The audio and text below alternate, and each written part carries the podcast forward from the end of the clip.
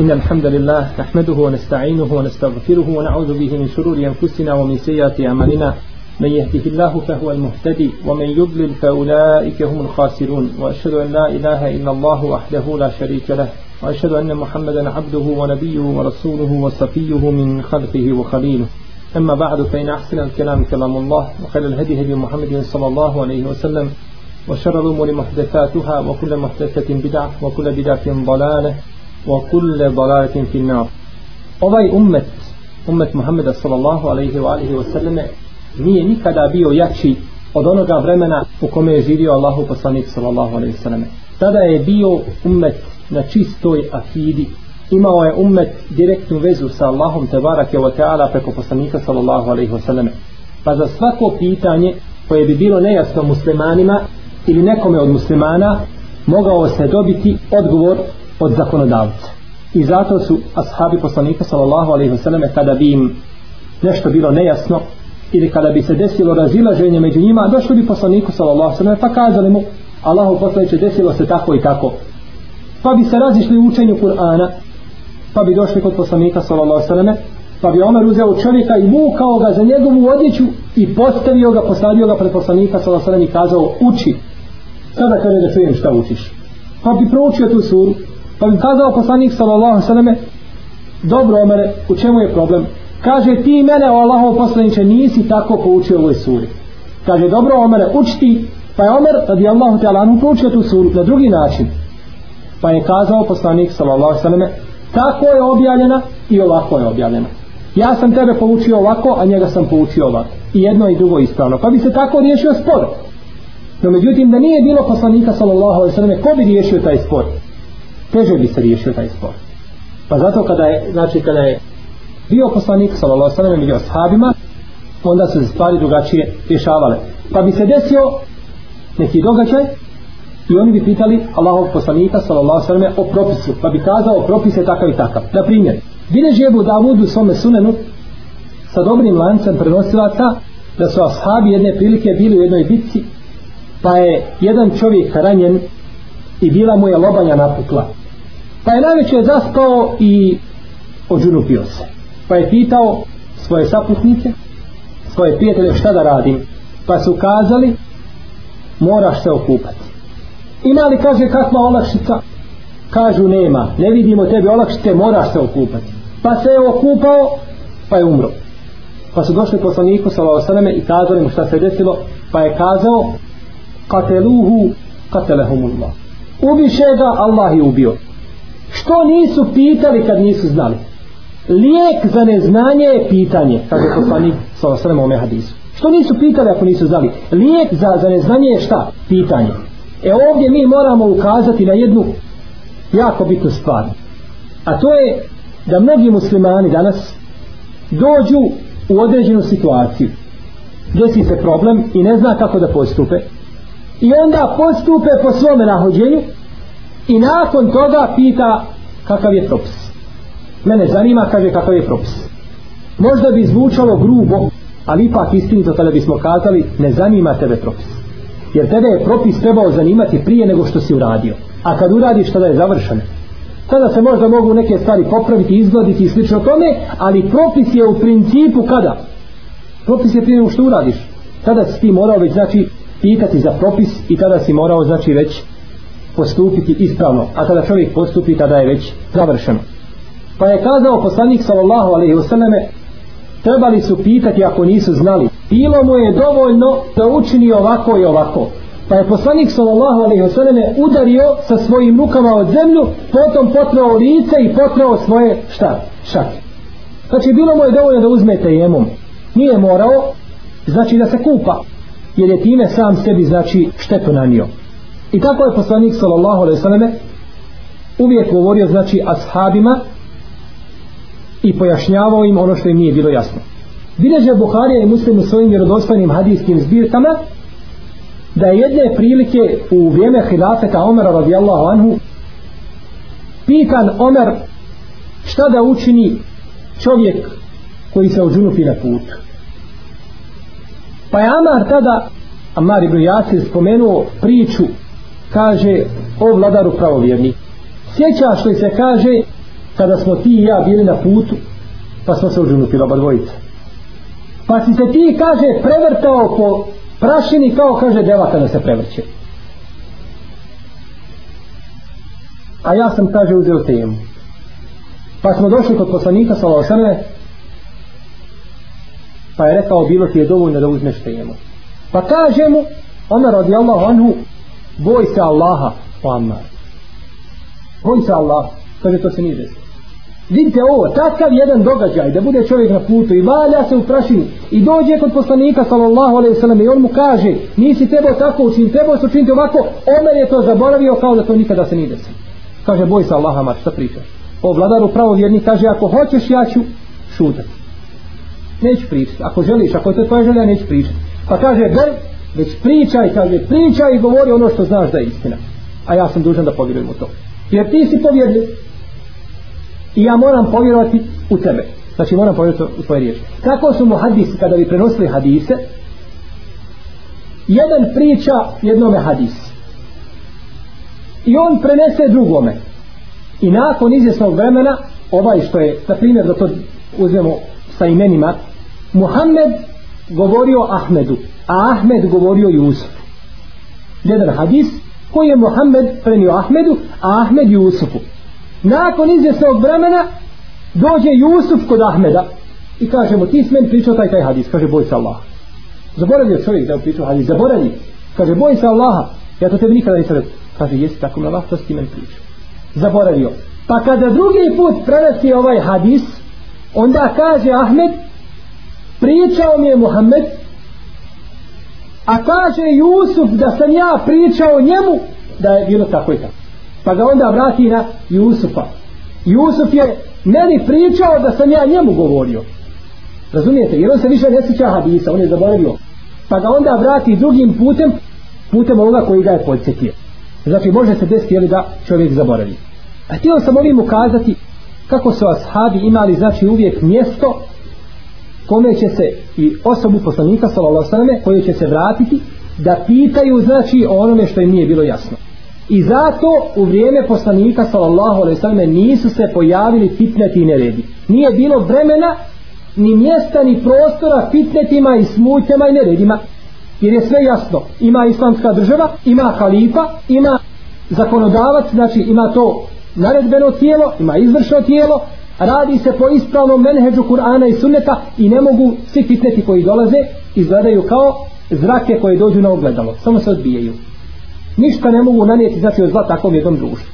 I koje god ulazio u islam, ulazio je u islam znači na takvim temeljima, na takvim osnovama. No međutim, kada je poslanik sallallahu alaihi wasallam vratio sa svome gospodaru Tebarak i Oteala, tada su oni koji su čeljeli zlo islamu i muslimanima vidjeli svoju priliku no međutim za vrijeme hilafeta Ebu Bekra radijallahu ta'ala anhu koje je trajalo dvije godine i tri mjeseca i za vrijeme hilafeta Omara koje je trajalo oko deset godina nisu mogli ništa učiniti pokušalo se u vrijeme Ebu Bekra da zaustane zekat pa je kazao Ebu Bekr tako mi Allaha ubijaću ih ako zabrane da daju jedan povodac kojim se veže devat Omer radi Allah, ono je došao kod Ebu Bekra i kazao mu, kako ćeš, kaže, ubijeti ljude koji kažu la ilaha ilom. Pa je kazao ove svoje poznate riječi. Tako mi Allah ubije će onoga ko mi razliku pravi između namaza i zekijata i ako budu zabranili povodac kojim se vodi deva, ja ću ih ubijeti. Pa je nastavio biti takav prema njima žestok dok nije Omer radi Allah, ono rekao i kaže, vidio sam da mu je Allah otvorio njegove grudi i kaže da ga je uputio na istinu. E zbog ovoga se braćo kaže da je Ebu Bekr bolji od Omera. I jeste Ebu Bekr je bolji od Omera. Mi vidimo Omerove, mnoge Omerove događaje koji su se dešavali su brojni ajeti objavljeni, neki navode da je oko 20 ajeta je objavljeno da potvrđuje Omerovo mišljenje. Možda to ima malo pretjerivanja, ali sigurno, a neki ajeti su objavljeni povodom Omera i da potvrđuje Omerovo mišljenje kao ajeti koji se vežu za hijab i ajeti za zarobljenike bedra i tako dalje objavljeni su da potvrde Omerovo mišljenje. No međutim, pored toga mi kažemo da je Ebu Bekr bolje od Omera. Zbog čega?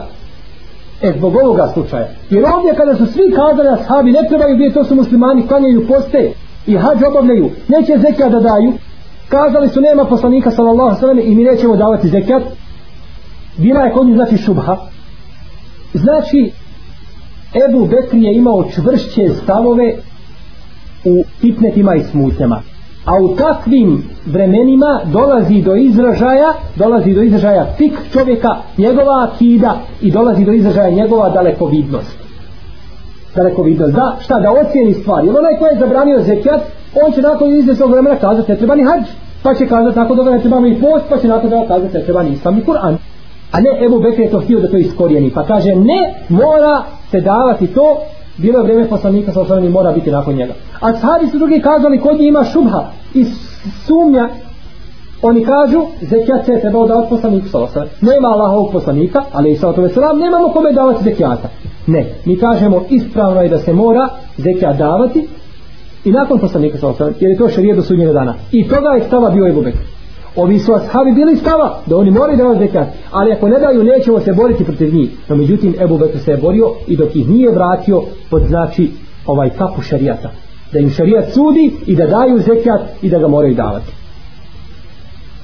isto tako pogledajte kada je poslanik sallallahu alaihi sallam preselio da su svi ashabi hodali izbezumljeni ne znaju šta se desilo, niko ne vjeruje da je poslanik sa osanem umro. Omer radi Allah, anu i sunka o sabiju i kaže, ko kaže da je poslanik sa osanem umro, ja ću mu kaže glavu odsići. I tu se je sve završilo, niko da sada više nije smio pričati. Jer Omer kad progovori, tu se sve završavalo. Pa su šutali. Pa je došao Ebu Bekr, ušao u sobu Ajša radi Allah galana, otpio lice poslanika sa osanem, poljubio ga, i ovo se između ostalih koristi kao dokaz da je dozvoljeno poljubiti mrtvaca, i došao onda u džamiju i popeo se na mimber i stao na mimber i proučio ajete u kojima Allah te barak dala spominje da je poslanik Muhammed sa osanem samo poslanik a ako umre ili bude ubijen hoćete li se vi starim stopama svome paganstvu vrati kaže Omer radijallahu anhu noge su mi se moje oduzele kao prvi put da sam čuo taj ajet pa kaže mu Bekr poznato izreku ko je obožavao Muhammeda, Muhammed je umro. A ko je obožavao Muhammedovog gospodara, pa on je živ, neće nikada umjeti. Pa vidimo kakav, ka, Ebu Bekr, pored svoje nježnosti, svoje blagosti, nije mogao učiti Kurana da ne plaće. No međutim, kada dođe u ovakve situacije, pogledajte kako je bio čvrši od koga, od Omer. E, to je dokaz i, znači, tu se vidi, znači, dalekovidnost i fik, i din, i vjera Ebu Bekra, a naravno i Omer, radijallahu ta'ala, anhumah. Pa zato znači u vrijeme Ebu Bekra nisu se pojavljivali fitneti neredi. Jer bi to bilo iskorinjeno. U vrijeme Omara također. Omer je bio vrata za fitnete. Bileži imam Tabarani od Ebu Zara radijallahu ta'ala da je jednoga dana došao kod Omera pa je Omer uzeo njegovu ruku. Pa je kazao Ersil jedi ja kafil al fitan. Kaže pusti moju ruku o katancu svih fitena. Pusti moju ruku o katancu svih fitena. I bilo je poznato kod ashaba da su govorili neće zadesiti ovaj umet, fitneti i neredi dok je Omer među njima. Tek kada Omer preseli kaže onda će znači nastupiti neredi i fitneti i smutje. I tako po vremenu Omera nije postojalo nereda i nije postojalo smutje. No međutim kada je došao Osman radijallahu ta'ala anhu koji je bio po svojoj prirodi blaži tada su mnogi koji ne vole niti Allaha, niti poslanika, niti Akaid, Ehlu Sunata, Ol Džemata, vidjeli priliku da pokažu svoj pokvareni Akaid i svoje pokvarene zabludjele svoje stavove i da slijede svoje strasti, pa su tada počeli da šire fitnete i da šire nerede. A Osman radijallahu ta'ala anhu, nastojeći da ne izazove smuću među muslimanima, dozvolio je da ga ubiju, a nije htio on da ubija one koji se tada zvali muslimanima pa je volio on da bude ubijen nego da on nekoga ubija radi Allahu Teala Anhu pa su se tada pojavile brojne grupice jedna od grupa ili sekti koja se tada pojavila u to vrijeme jesu bile kaderije jesu bile kaderije i oni su se pojavili pred zadnje vrijeme as, onoga boravka ashaba ili u Medini ili općenito u islamskom svijetu Znači kada je ostala još jedna mala skupina ashaba u poznato vrijeme pojavili se i tada su počeli širiti svoj znači akajd. Pa zato je Ibn Omar, Ibn Abbas su govorili kada ih sretnete kaže, kažete im da sam ja od njih čist. Da ja nemam ništa sa njima. Jer jedan od naših temeljnih sastavnih dijelova imana jeste da vjerujemo u kader dobar i loš. Jedni kažu da nema kadera. Da Allah Želešanu ne zna šta se dešava na zemlji prije nego što se desi. Odnosno ne zna šta će se desiti prije što se desi. I ne zna da će se to desiti. Nije ti je to zapisano prije toga. Pa time tako poriču kader. Jer šta je kader? Kader ima svoja četiri rukna. Ima svoje četiri rukna. To su znanje. Allahovo apsolutno znanje. Njegova volja. Mešijet. Njegova želja.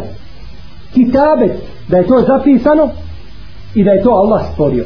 To su četiri rukna kadara. Ako ti rukravi nisu ispunjeni, ne može biti kader ispravan. Jer kad bi čovjek kazao, dobro, kader ja vjerujem, a ne vjerujem od kadera u šta? U Allahu volju. Da je Allah htio da tako bude. Ne bi bilo ispravno. Ili da kaže čovjek, ja ne vjerujem u to da je to zapisano. Znam da je to Allah znao sve, ali ne vjerujem da je to zapisano. Nije ispravno kader. Ili kaže, vjerujem u to, ali ne vjerujem da je Allah to stvorio. Ne bi bio islam sad.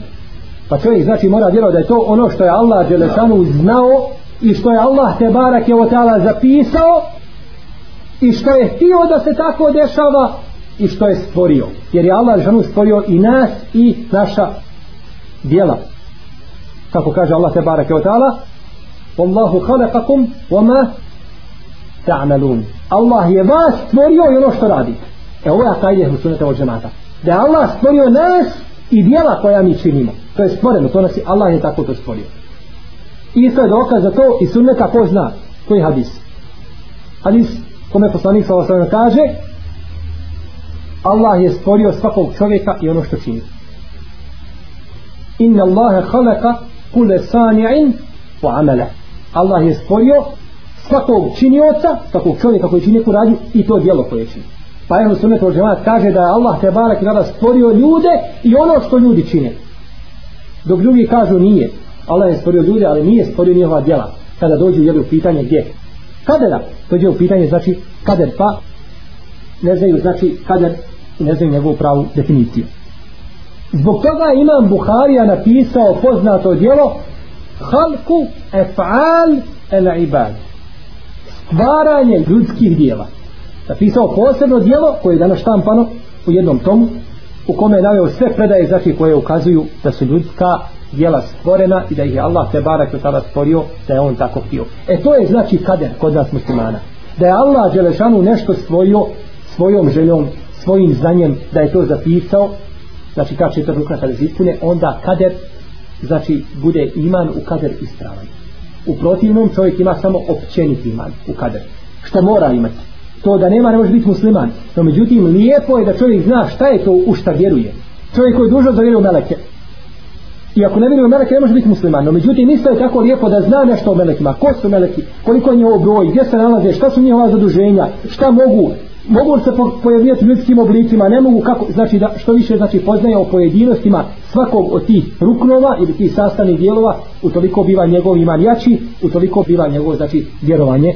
čvršće ovdje je neophodno da pojasnimo jednu stvar mi kada kažemo Allah te barak je očala je zapisao ljudima ono što rade kada kažu džebrije ona druga krajnost koji kažu sve što čovjek čini on je prisiljen on je prisiljen da čini to i nema pravo slobodnog izbora ovo je čisto katolička vjera i katolička ubiđenje. Da čovjek nema pravo izbora da je on prisilj.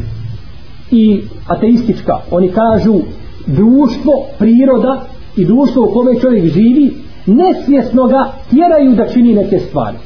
Živiš u društvu gdje su sve, šta, ateist ili su sve nemoralnici. Pa tebe to društvo tjera da ti činiš, pa onda društvo to koje mijenja tvoju prirodu, to je društvo je to koje te prisiljava, društvo je koje ti određuje šta ćeš činiti, kako ćeš činiti. Znači da je čovjek prisiljen da on ne može sam izabrati. U redu. Oni kažu, ako je Allah te barake od tela odredio nešto čovjeku da će se desiti. Kako ga onda može kažnjavati za to? Allah ti odredi da će se desiti to i to. Da ćeš učiniti taj taj grije. Zbog čega ti onda Allah kaže? Ti zna šta će čovjek uraditi, pa mu je zapisao to što će uraditi. Ali ga nije prisilio da uradi. Čovjek sjedi napolju, ti prodiš u džamiju i on sjedi ispred džamije i čini nešto zabranjeni stvari ili samo sjedi neće na namaz ti mu kažeš hajde budem na namaz kaže da je Allah htio ja bišao na namaz u redu, jesu nove riječi ispravne da je Allah htio ja bišao na namaz one su ispravne sa jedne strane a nisu ispravne sa druge strane ispravne su sa strane da je Allah htio ja bišao zaista je tako jeste da je Allah htio ti bi došao to je sigurno da je Allah htio svi budu bili vjernici tako? tako Allah te barak tjela kaže no međutim nisu s druge strane ispravne da ti se pravdaš Allahovim kaderom E s te strane nisu ispravne. Pa su ispravne s jedne, a nisu ispravne sa druge strane. Pa znači, ti ga pozivaš, hajde. Kaže da Allah htio, ja bi išao. E, tije su riječi, istina, ali se sa njom hoće šta? Batel, hoće sa njom laži. Znači, čovjek ima pravo da uđe, mogu ući s tobom, može ostati da ne sjeti, nikoga ne tjera. Pa je Allah šalud znao da si ti takav u duši pokvaren, pa ćeš sjediti i nećeš ući da klanjaš. Pa je onda zapisao, e ti ćeš biti tako i bit ćeš stanovnik patrije, ali te Allah nije prisilio. E to je ta braća sredina ehlu suneta u ođemata koju vidje, pa nije ošao ni u jednu kralja s ehlu suneta u ođemata ni u drugu, nego ide u tom sredinom putu. U redu. Ovo najlakše možemo razumjeti kroz jedan primjer. Dođu učenici u razred i kaže profesor, nakon što je predavao, učio ih sedam godina i u osmi razred ušli, trebaju da završe, da maturiraju, i kaže, ti ćeš proći dvojkom, ti ćeš trojkom, ti ćeš četvorkom, ti ćeš propast, a ti nećeš nikako uspjeti. Pa dobro, prije početka nastave, prije početka školske godine, prije početka, nego, nije ni otvorio štivo, ne zna šta ima, profesor mi je da će propati. Dobro, hoće li taj profesor njega, je li on to rekao da će ga oboriti, zato što mu želi nepravdu namjeti? Ma nije čo, profesor ga zna, sedam godina te ja gledam i znam, sedam godina se nikad nisi pripremio za ispit. Sedam godina si lijenču ga. I znam da neće se ni ove godine popraviti. I kaže ti ćeš propast. Jer ga poznaje. Pa dobro, kako onda Allah što poznaje ljude? Jer profesor prisilio učenika da propade, nije. Ne uči, dobit ćeš odlično ocjen. Ali ga zna kao lijenčugu i kada ti ćeš propati. Jer mu učinio profesor nepravdu. Nije, samo ga obavijestio unapred u njegovom, tako te je Allah, a njemu najviše mi primjer pripada, mi ćemo ga ne poredimo, tako je on ljudi obavijesti, ti ćeš uspiti, a ti ćeš šta? Propasti. Jer nisi se trudio da uspiješ, a učitelj ti kaže, uči, proći ćeš, nemoj učiti, propašćeš.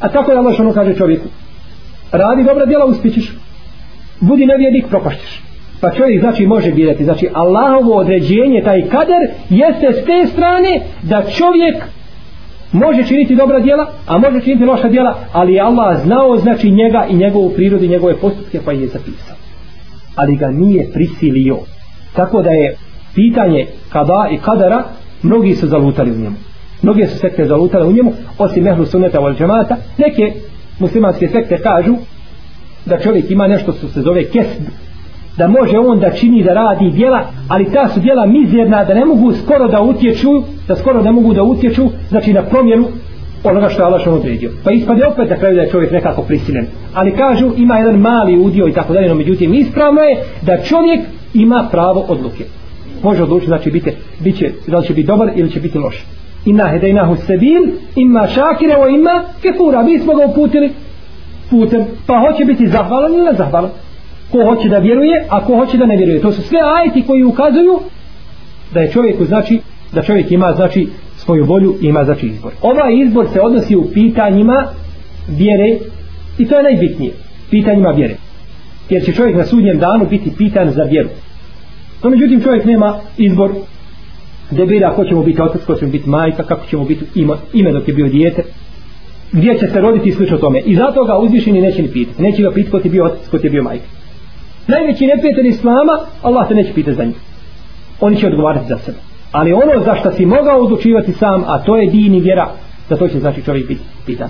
Pa su se u ovome znači slučaju, ili u ovome vremenu, pojavile razne sekte i grupe koje su imale pokvare na kajde pa su to bile znači kaderije, pa su to bile džebrije, pa se nakon toga pojavljivale brojne druge sekte, tu su bile i haridžije koji su tekfirili mnoge ashabe smatrali nevjernicima i smatraju da čovjek koji počini veliki grije da će vječno boraviti u džehennemu i tako dalje nastale su znači brojne sekte koje su imale koje su imale znači neispravna vjerovanja a pojavi ovih sekti je uzročilo nekoliko nekoliko razloga Jedan od tih razloga jeste što su brojni stranci ulazili u vjeru.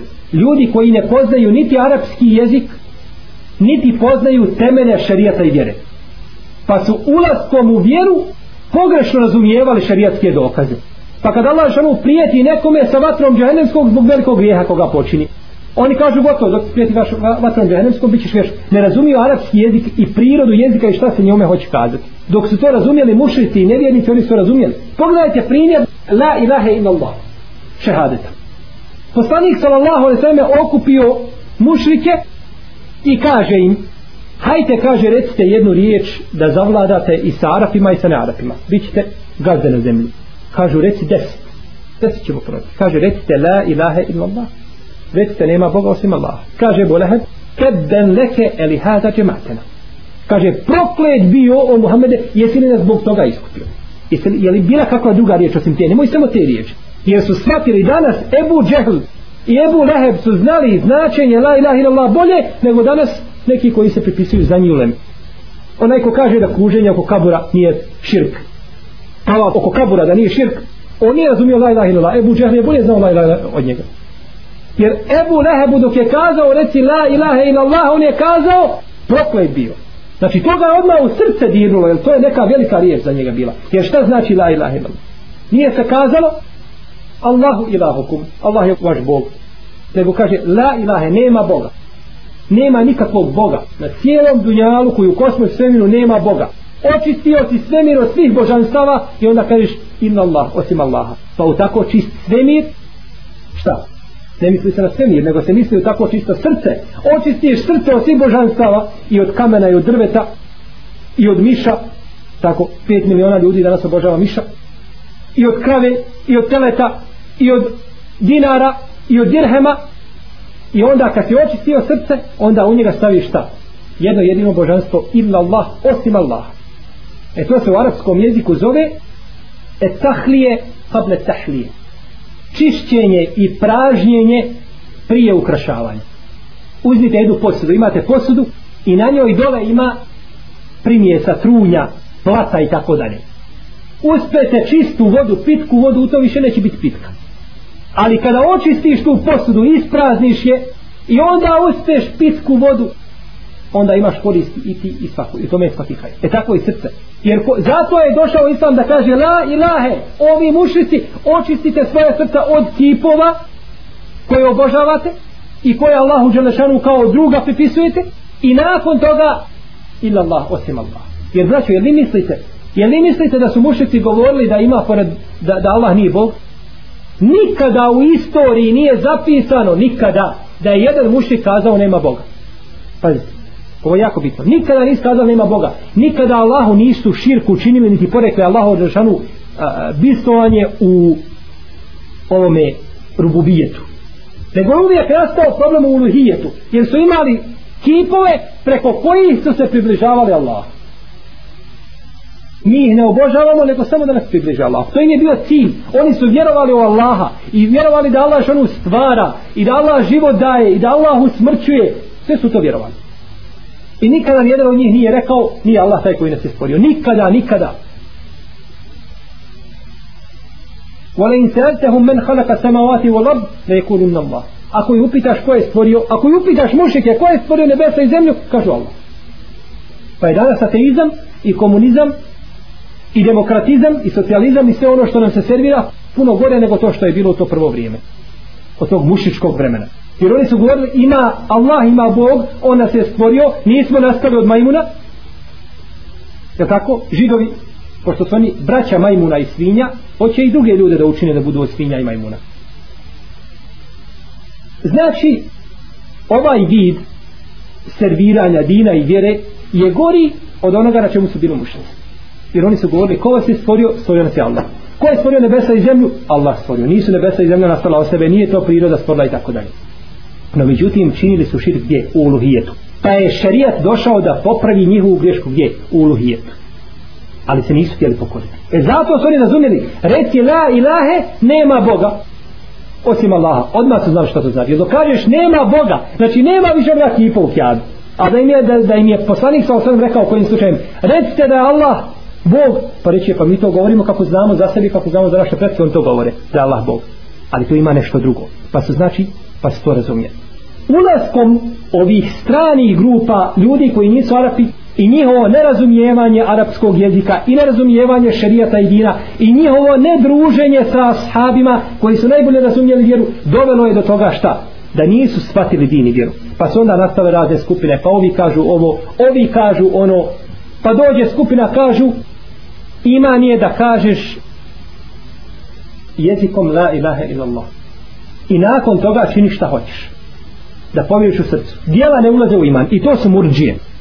Zagrižene murđije, najgori oblik murđija koji kažu, kada kažeš la ilaha ila Allah, moj iman je kao iman Džibrila. I oni kažu još jedno poznato pravilo koje je pokvareno i koje je neispravno kod uleme Hosuneta od džemata, ne škodi činjenje grijeha ako čovjek ima iman.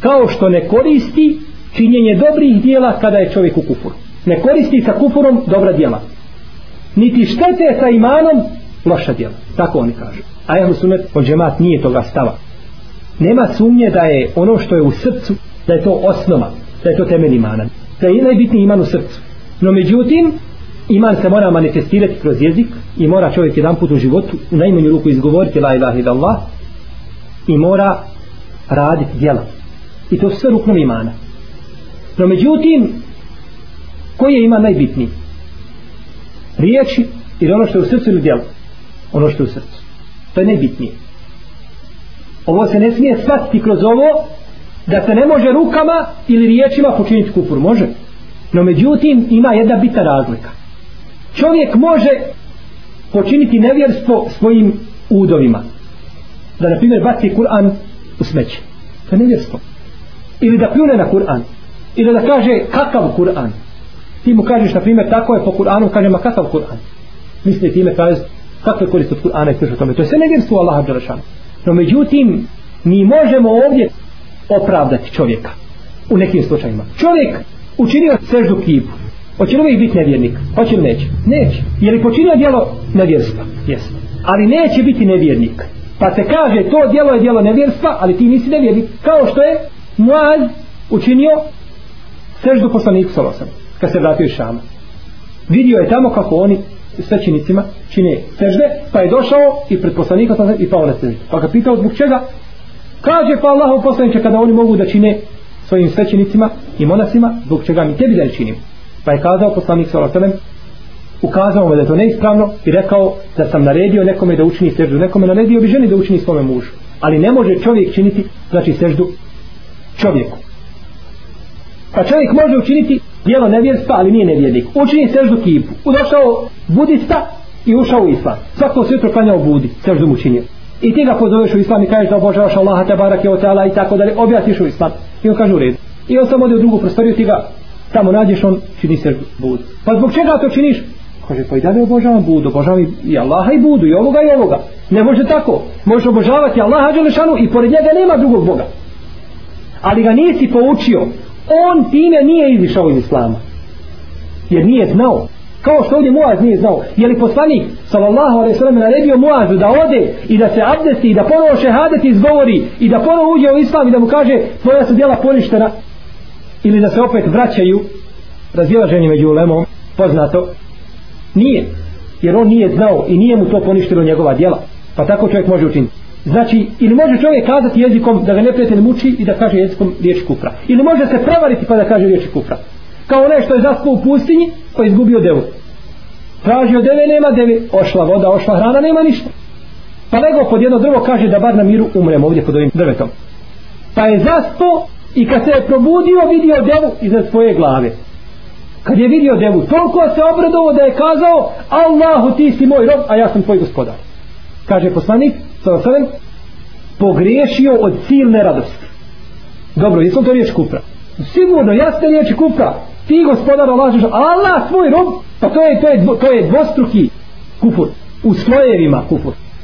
Kaže, ali pogriješio od silne radosti. E, kaže je poslanik sa osadem, tako se Allah obraduje te obi svoga roba, kao što te ovaj čovjek obrdu ovoj kamjeru kada se čovjek pokaja Allahu i vrati mu se tako se obraduje njegovoj teobi kao što se ovaj obradovao svojoj kamili ovo je rekao riječ kufra prije smo govorili da može učiniti svojim udovima da učini seždu kipu, seždu čovjeku sada govorimo riječima da znači da kaže kakav Kur'an da kaže kao ovaj što je rekao i slično tome no međutim može se opravdati u određenim slučajima ali može li se čovjek opravdati koji počini kufur u srcu nikada Nikada. Jer tebe neprijatelj može mučiti. I tražiti od tebe da počiniš riječ kufra.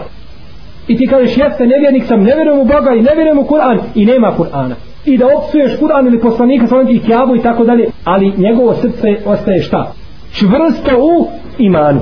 No međutim, kada bi čovjek imanom u svome srcu osjetio nevjerstvo i da je nevjernik e sad se više ne može opravdati. Nema te patnje koje može biti, može biti njoj podvrgnut, a da počini nevjerstvo. Nema opravdanja.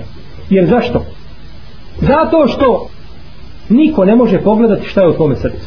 Ti možeš kazati svojim jezikom, ja ne vjerujem u redu, prekinite me učiti. Kao što je Amar, kada je mučen, kazao, ne vjerujem u poslanika i tako dalje, ružno govori o poslaniku sa osanem. Pa je došao, kaže, Allahu poslanič, tako i tako se desilo. Pa sam morao o tebi ružno kazati. Dobro kaže o Amar, a kako si ti našao svoje srce? kako ti je srce kaže tako mi Allah, Allaha o Allahu poslaniče čvrsto u iman kaže ja Ammar fe in adu fe ud o Ammar kaže ako se oni vrate da te ponovo muče kaže i ti isto priča ti možeš govoriti prisiljen si da bi se spasio i svoju kožu ali šta tvoje srce ostaje čvrsto u iman Znači, u srcu je ta osnova, jer srcem kada čovjek počini kufur, gotovo, više mu nema opravdanja, da mu kažeš, ne zna, ili ovo ili ne može u srcu kada učini taj kufur tada je gotovo tako da je ovaj znači najopasnija znači taj taj kufur koji se može počiniti srcem pa su tako brojne od ovih sekti koje su se pojavile nakon vremena sahaba i jele poslanika sallallahu alejhi ve selleme neke su iskrivile akajde sunneta wal džemata pa ostale na pogrešnom akajdu kao što su mu'tezile kao što su džebrije kao što su kaderije neki su izišli iz dina iz vjere koristujući znači neke osnovne ili temeljne znači osnove šerijata bilo da se radi o imanskim, islamskim šartima i tako dalje u svakom slučaju bilo je raznih skupina a kažemo jedan od velikih razloga jeste bio nerazumijevanje Kur'ana i sunneta što se je širio znači islam u mjestima gdje se nije govorio arabskim jezicima gdje ljudi nisu poznavali din i vjeru pa su uzimali samo ono što im serviraju znači oni koji hoće štetu i koji hoće zlo ovoj vjeri. Ovo bi bilo samo nešto općenito vezano znači za ove sekte koje su se pojavile ili dio ovih sekti, a o sektama o njima se može puno govoriti jer su islamski učenjaci pisali tomove knjiga samo u jednoj sekti da napišu i da pojasne znači njihovo zlo i šer koji šire napisali bi tomove knjiga po čemu je naročito se ista kao šekoli sami u i drugi. A međutim, htio sam samo kroz ovo da nastavimo ono o čemu smo govorili zadnji put, pa smo govorili nešto o kaderu i govorili smo o džebrijama i kaderijama i govorili smo znači o onome gdje su oni zalutali u pogledu kadera. Molim Allaha te barek od da nas uputa pravi put, da popravi naše stanje i stanje muslimana, da ojača naš iman, da nam najboljim uči naša zadnja djela. Salim Allahuma na nebina Muhammedu ala alihi wa sallam i učmajim. Bože za kumama sallim.